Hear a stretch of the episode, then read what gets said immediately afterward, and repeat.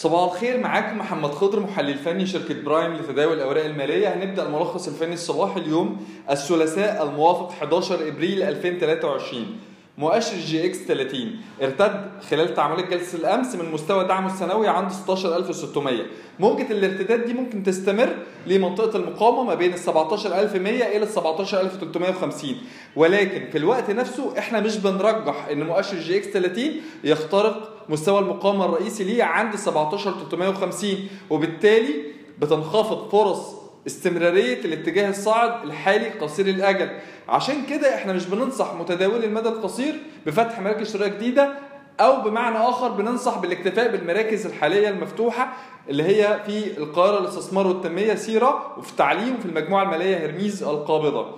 بالنسبة لمؤشر جي إكس 70 مؤشر EGX 70 خلال تعاملات جلسة الأمس لاحظنا انحصار ضغوط البيع كل ما المؤشر يوصل أو يقرب من مستوى ال 2930 ده مستوى دعم سنوي.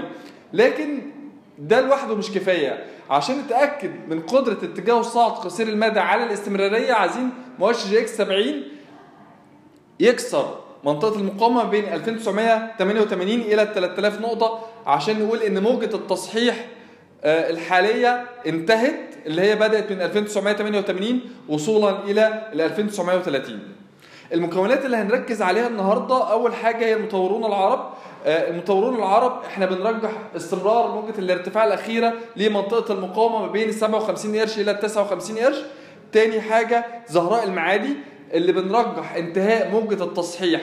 الأخيرة موجه التصحيح الأخيرة دي بدأت من مستوى المقاومة السنوي عند 6 جنيه 13 وصولا إلى 5 جنيه 70 بنتوقع انتهائها حوالين منطقة الدعم السنويه ما بين ال 5 جنيه 70 إلى ال 5 جنيه 60 ومنها هتبدأ موجة صعود جديدة.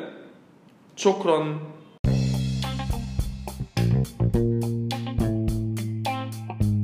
يرجى العلم أن هذا العرض هو لأغراض معرفية فقط، ولا يمكن اعتباره عرض أو توصية شراء أو بيع أو إدارة استثمارات أو خدمات استشارية. ينصح باستشارة مستشارك المالي قبل اتخاذ أي قرار استثماري، علماً بأن الأداء التاريخي ليس مؤشراً يعتمد عليه لتحديد الأداء في المستقبل.